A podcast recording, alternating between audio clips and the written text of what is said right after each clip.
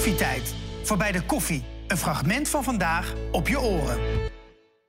Bij ons aan tafel Rijntje van Haringen, directeur van CARE Nederland. En CARE Nederland is een van de elf hulporganisaties die bij deze actiedag betrokken zijn. Rijntje, fijn dat je er bent.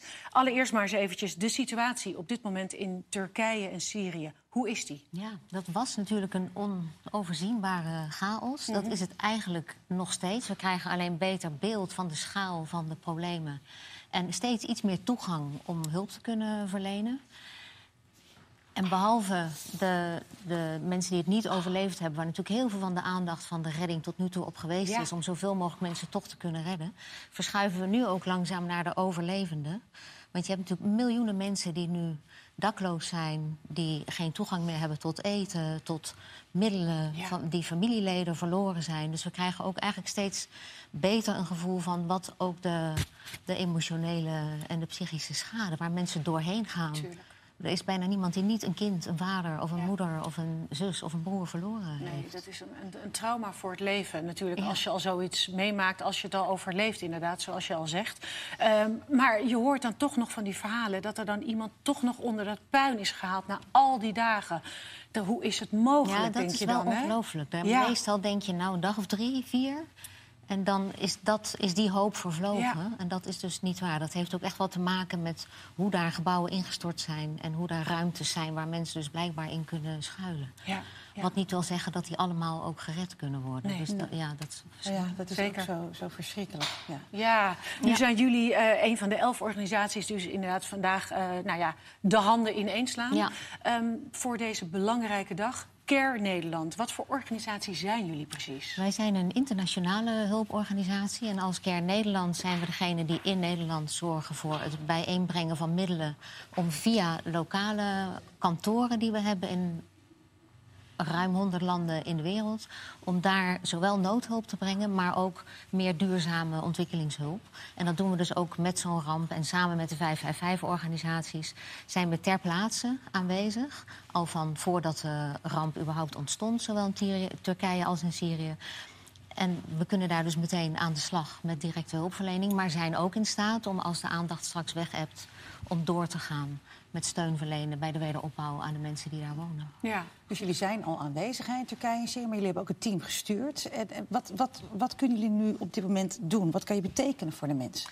Ja, zodra dit begon, en helemaal toen we wisten dat we actie gingen voeren met 555... en we wisten dat er middelen beschikbaar waren... ga je eigenlijk meteen met de organisaties waar wij al contacten mee hebben... niet alleen CARE, maar ook eh, Oxfam, UNICEF, Kerk in Actie... we hebben allemaal daar contacten en organisaties waar we mee samenwerken. In Syrië was er natuurlijk al een oorlog aan de gang. Ja. Dus we waren daar al noodhulp aan het verlenen. Dus dan kun je eigenlijk vrij snel opschalen... vanuit wat er al aanwezig is. De structuur was er al gewoon. Eigenlijk wel. Ja, goed. Het punt is natuurlijk wel dat die aardbeving ook die kantoren en die mensen getroffen heeft. Ja. Dus er zijn ook collega's uit onze organisaties die het niet overleefd hebben. Dus dat maakt zo'n start van zo'n Ja. respons wel spannend. Nou. Maar alles begint nu eh, behoorlijk op gang te komen. Spannend en ook heel verdrietig natuurlijk. Hè? Het betekent een enorme gelaagdheid ook daarin. Ja. Nou, nou is die hulp in Turkije eh, al op gang gekomen. Maar de hulpverlening in Syrië, dat is nog een, een, een, heel heet eh, debakel. Dat loopt allemaal niet makkelijk. Hoe kan dat eigenlijk? Waar zit het hem nou in? Er was natuurlijk al de, de burgeroorlog aan de gang. Ja. En er zijn natuurlijk conflicten in dat gebied tussen verschillende groepen.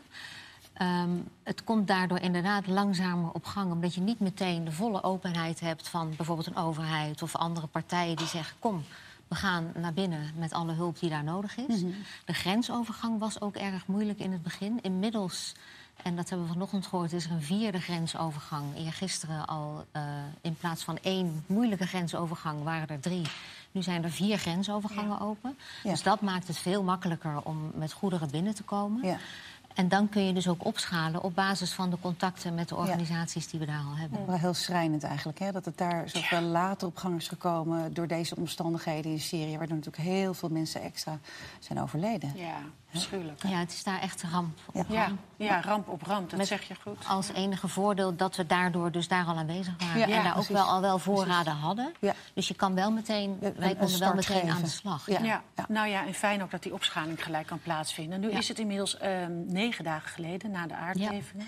eh, bekend geworden dat er eh, meer dan 40.000 doden zijn. Nu dus al miljoenen mensen dakloos. Ik Ja. weet niet hoeveel mensen gewond. Het is echt een heel groot drama. Waar is op dit moment de grootste vraag naar daar? Het eerste is altijd zorgen dat mensen die allemaal dakloos zijn... dat er onderdak is, dat er een warme plek is. Het is ijskoud daar in de winter. Dat er voedsel is, dat er water is, dat er warmte is... dat er dekens zijn, dat er tenten komen. Dat is eigenlijk waar we zo'n beetje allemaal wel mee bezig zijn geweest.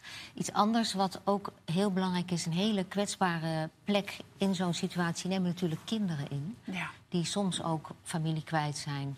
Of dat niet zijn, maar met volslagen getraumatiseerde ouders in dat gebied zijn. Dus er zijn ook organisaties onder ons, zoals UNICEF dat ook doet...